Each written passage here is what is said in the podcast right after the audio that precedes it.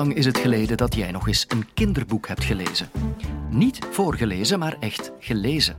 Volgens literatuurwetenschapper Vanessa Jose kan je dat niet vaak genoeg doen. Waarom moet elke volwassene kinderboeken lezen? Dit is de Universiteit van Vlaanderen.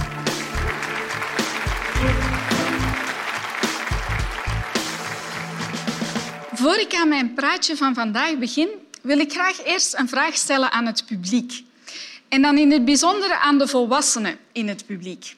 Wie van jullie heeft de laatste weken nog een kinderboek gelezen? Super. En hoe heb jij je daarbij gevoeld? Goed, je hebt je niet geschaamd? Uitstekend. Jij hebt iets gedaan wat ik aan alle volwassenen zou aanraden, een kinderboek gelezen. Nu, in het jaar 2000 was er een heel debat over het feit dat sommige volwassenen nog kinderboeken lezen. En Harold Bloom, een Amerikaanse literatuurcriticus, die stak het vuur aan de lont met de vraag kunnen 35 miljoen lezers zich vergissen? Harold Bloom dat was een specialist in de kanon, de literatuur met de grote L. En hij ergerde zich aan het succes van Harry Potter bij kinderen en volwassenen. Die 35 miljoen lezers, dat waren de lezers van Harry Potter. Volgens Harold Bloom vergisten die lezers zich wel degelijk. En hij vond het feit dat zoveel volwassenen de reeks lazen een teken aan de wand van de verkleutering in onze maatschappij. Nu zijn volwassenen die kinderboeken lezen dan per definitie te lui of te dom om zich in boeken voor volwassenen te verdiepen. Ik denk het niet. Ik denk dat er heel diverse redenen zijn waarom jeugdliteratuur volwassenen nog kan boeien. En sterker nog, ik zou het elke volwassene aanraden om af en toe een kinderboek te lezen. Bovendien vind ik als professor jeugdliteratuur dat kinderboeken niet alleen de moeite waard zijn om te lezen, maar ook om te bestuderen. Ze mogen aan de Universiteit van Vlaanderen dan ook niet ontbreken. Nu, waarom lezen volwassenen dan kinderboeken? Leesplezier is in elk geval een heel belangrijke factor daarbij. En je ziet dat veel volwassenen naar Harry Potter grepen omdat het een spannend avontuurverhaal is met veel fantasie. In de volwassenenliteratuur heb je ook wel genres zoals fantasy, maar die hebben daar eerder een marginale positie en worden niet met veel aanzien behandeld. In de jeugdliteratuur is dat wel zo. Daar krijgen avonturenromans, grappige boeken, fantasieverhalen veel aandacht en winnen ze ook belangrijke prijzen.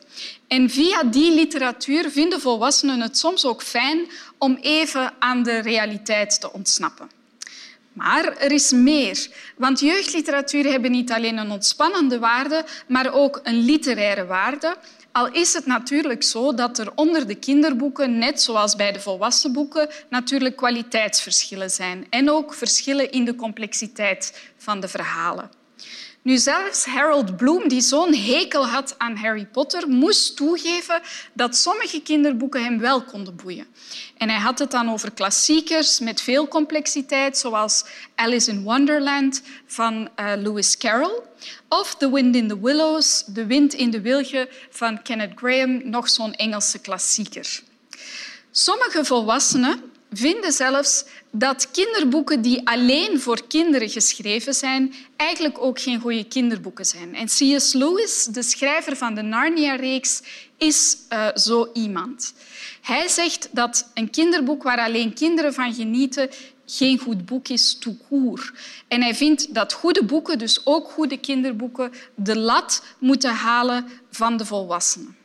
Naast het leesplezier dat volwassenen uit kinderboeken halen, bestaat soms uit, ook uit nostalgie. Dus naast uh, de humor, de spanning en de literaire waarde van die boeken vinden volwassenen het ook soms leuk om kinderboeken te lezen en daardoor even opnieuw te beleven hoe het was om als kind een boek te lezen. En sommige recente acties die spelen daarop in. Dus een tijdje geleden kon je boeken als Kruistocht en Spijkerbroek en Koning van Katoren voor een heel goede goedkope prijs in de boekhandel vinden. En veel volwassenen hebben die dan ook gekocht. Vaak waren dat volwassenen die die boeken zelf als kind hadden gelezen en die dat plezier graag wilden doorgeven aan hun kinderen of kleinkinderen en die eventueel die boeken zelf ook nog eens opnieuw wilden lezen. Uh, en ze willen daarbij die ervaring opzoeken die ze ook als kind hadden toen ze die boeken voor het eerst lazen. Nu, we mogen ons daar geen illusies over maken. Die ervaring als volwassene zal nooit hetzelfde zijn als de leeservaring die je als kind had. En de Britse onderzoeker Alison Waller heeft daar onderzoek naar gedaan. Zij interviewde volwassenen over een boek dat ze in hun kindertijd had gelezen, liet hen dat boek dan opnieuw lezen en vroeg daarna naar hun leeservaring. Nu, wat blijkt? Heel veel volwassenen bleken zich cruciale passages uit het boek niet meer herinneren. Personages, scènes, die waren ze gewoon vergeten. Andere elementen uit het verhaal herinnerden ze zich verkeerd. En bovendien waren ze er soms van overtuigd dat er bepaalde scènes in het boek zaten die helemaal niet in het verhaal voorkwamen.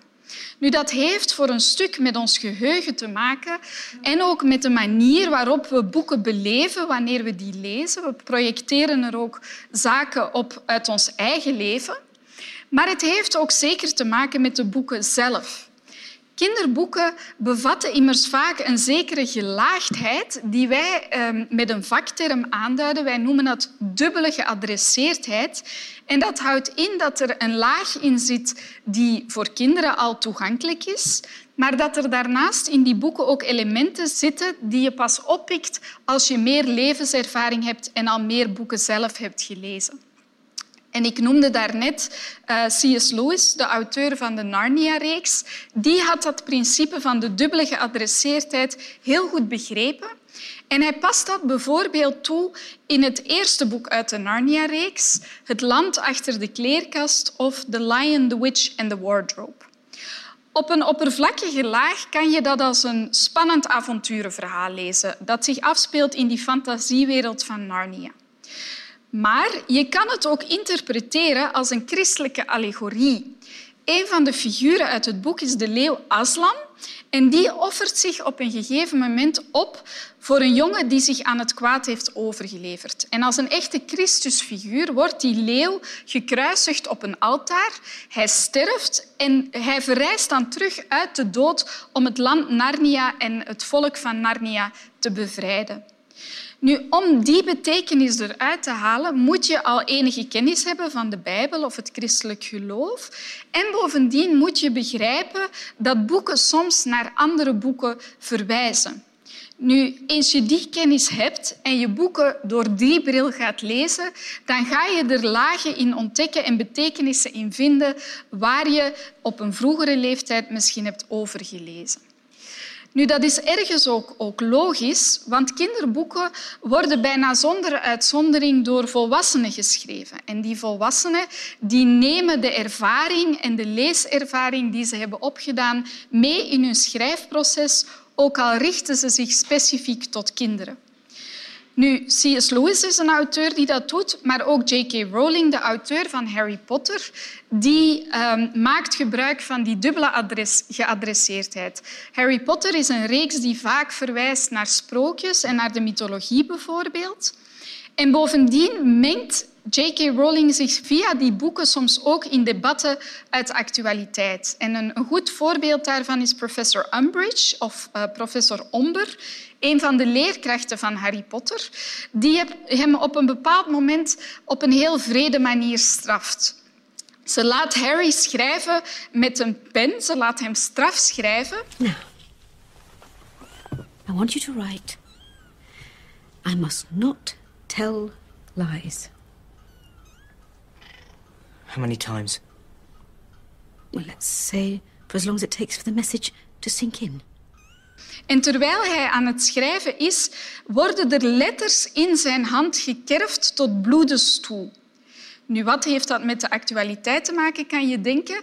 Het is een manier van J.K. Rowling om zich te mengen in het debat rond lijfstraffen op de Britse scholen. Een debat dat toen Harry Potter geschreven werd nog volop woedde. En als je de scène in Harry Potter leest, dan denk ik dat het wel duidelijk is dat J.K. Rowling zich kant tegen die lijfstraffen op school. Nu, het zijn niet alleen auteurs van teksten die op die manier volwassenen aanspreken. Het zijn ook illustratoren die dat doen. En eh, een van de meest populaire Vlaamse illustratoren is Tom Schamp. We uh, zien hier een boek van hem uit zijn bekende reeks rond Otto. Een boek dat zeer populair is bij zowel kinderen als volwassenen. En volgens mij heeft die dubbele geadresseerdheid daar iets mee te maken. Ouders van jonge kinderen zullen het fenomeen wel kennen dat hun kinderen avond na avond hetzelfde boek willen lezen. En dat je dus als volwassene ook keer op keer mee dat boek moet voorlezen of er mee in dit geval in kijken. Nu, dan is het voor ouders des te leuker als er ook voor hen iets te beleven valt tijdens dat voorlezen. En dat is zeker het geval in de boeken van Tom Schamp, die je op verschillende manieren kan lezen al naar gelang je eigen kennis van de wereld. Uh, en deze print illustreert dat perfect. Jonge kinderen die nog niet kunnen lezen, die kunnen al heel veel ontdekken op die printen. Er zijn uh, auto's in vreemde vormen, bijvoorbeeld een bus die de vorm van een broodrooster heeft. Er zitten allerlei gekke dieren in die auto's. En op elke print kunnen ze ook op zoek gaan naar het katje Otto. Maar als je al kan lezen, dan ga je daar nog meer in zien. Zo zie je in het midden van de print een truck met transport. En wie goed kan spellen, zal misschien opmerken dat transport verkeerd gespeld is met dubbele S. Trans, sport, vervoer als sport. Het is een beetje ironisch als je ziet dat de auto's uit het boek bijna de hele tijd in de file staan en dat de bestuurders weinig bewegen. Dus als je ironie begrijpt, dan zie je al dat er hier een grapje gemaakt wordt. Als je al wat kennis hebt van de wereld, ga je er weer nog meer in ontdekken.